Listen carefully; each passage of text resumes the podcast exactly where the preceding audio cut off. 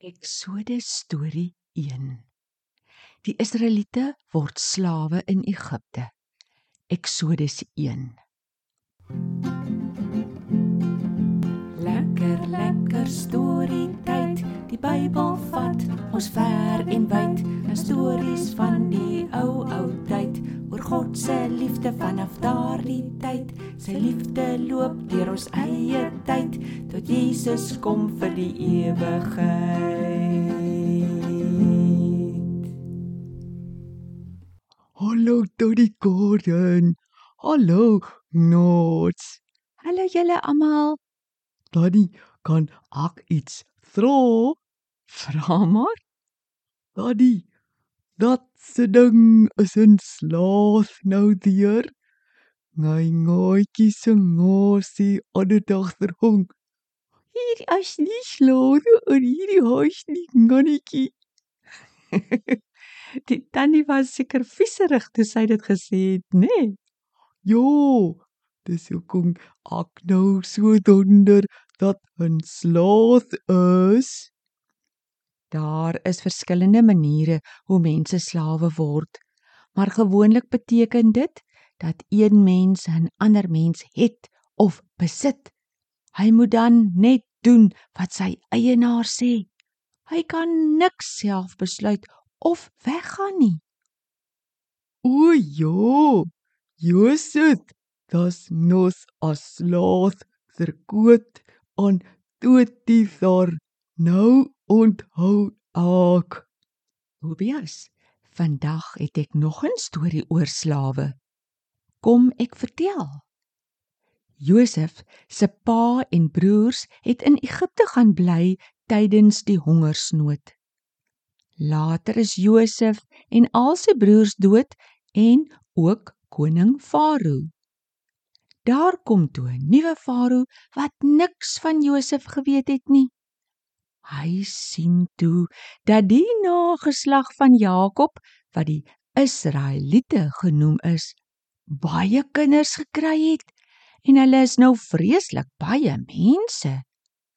Die koning sê toe vir sy Egiptenaars: Besef julle hoe baie is die klomp Israeliete wat ons hele land vol bly. As hier dalk oorlog kom en hulle sluit by ons vyande aan, sal die vyand regkry om ons te wen. Ons moet 'n plan maak dat hulle nie so baie kinders kry nie. Dat se plan nog hulle toe. Iemand kry toe die plan dat die Egiptenaars die Israeliete moet begin dwing om as slawe vir hulle te werk. Hulle het dit dwangarbeid genoem. Voorheen het die Israeliete seker saam met die Egiptenaars gewerk, maar nou het die koning slawe drywers aangestel oor die Israeliete. Die slawe drywers was mense wat die Israeliete gedwing het om baie hard te werk vir baie lang ure. As iemand net wil rus, word hy sleg gesê of geslaan of geskop. Die koning het hulle gedwing om twee stede vir hom te bou. Party Israeliete moes klei maak en bakstene bak. Ander moes weer op die lande werk. Die Israeliete moes al die slawe werk doen. Hulle het baie swaar gekry onder die slawedrywers. Oi nee.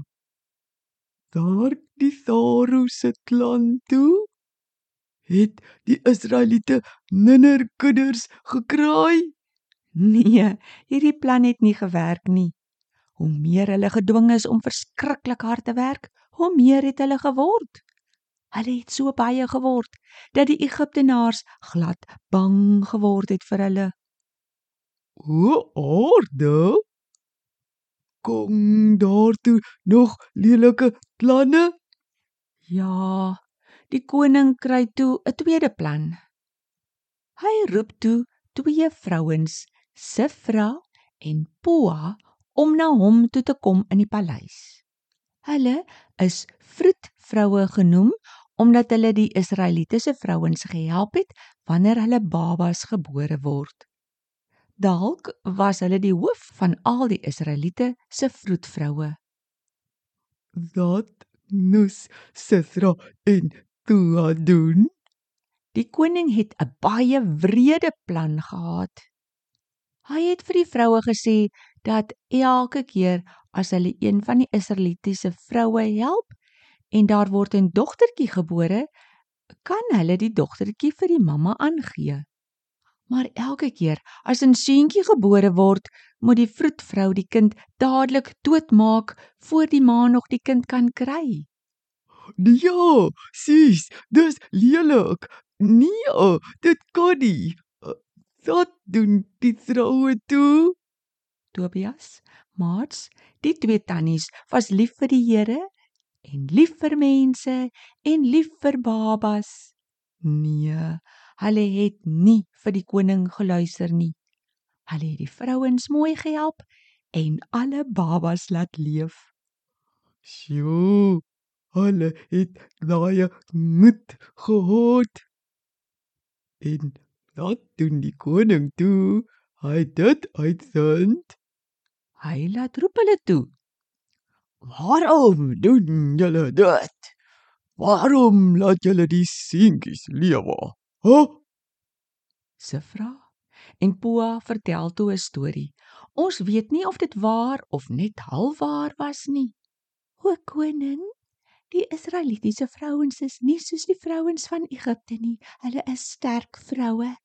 Nog voordat enige vroedvrou by hulle kan kom, dan is die babas klaar gebore. Die koning kon niks sê nie en het hulle maar laat gaan. So hierdie plan vir die koning het ook nie gedaark nie. Nee, dit het nie. Die Israeliete het net meer en meer geword. En die Here was baie goed vir die vroedvroue omdat hulle die babas beskerm het. God het vir hulle huise en kinders en mooi dinge gegee. Ag, wonderlik fantasties. Die Here hou ons daarvan as ons ter ander mense help. Ja, hy praat baie daarvan dat ons mense moet help, soos vrouens wat hulle mans verloor het en weeskinders wat nie meer ouers het nie. Daddy, het die Tharo se planne toe opgeraak? Nee, hy het nog 'n plan gekry maar dit gaan ons volgende keer vertel. Ag nee, is dit nog se storie tyd so daar al verdaai? Dan moet ons seker groet. Nots. Dank Dikkie oor hierdie storie oor hoe goed God vir die troet troue en vir die Israeliete das. Al das hulle nou slawe van die Egiptenaars. Ons God is so regverdig en wonderlik. Totsiens dan eers noods. Maats, volgende keer vertel ons van die Farao se derde plan. Intussen, vertel vir iemand hierdie eerste storie van Exodus. Totsiens almal.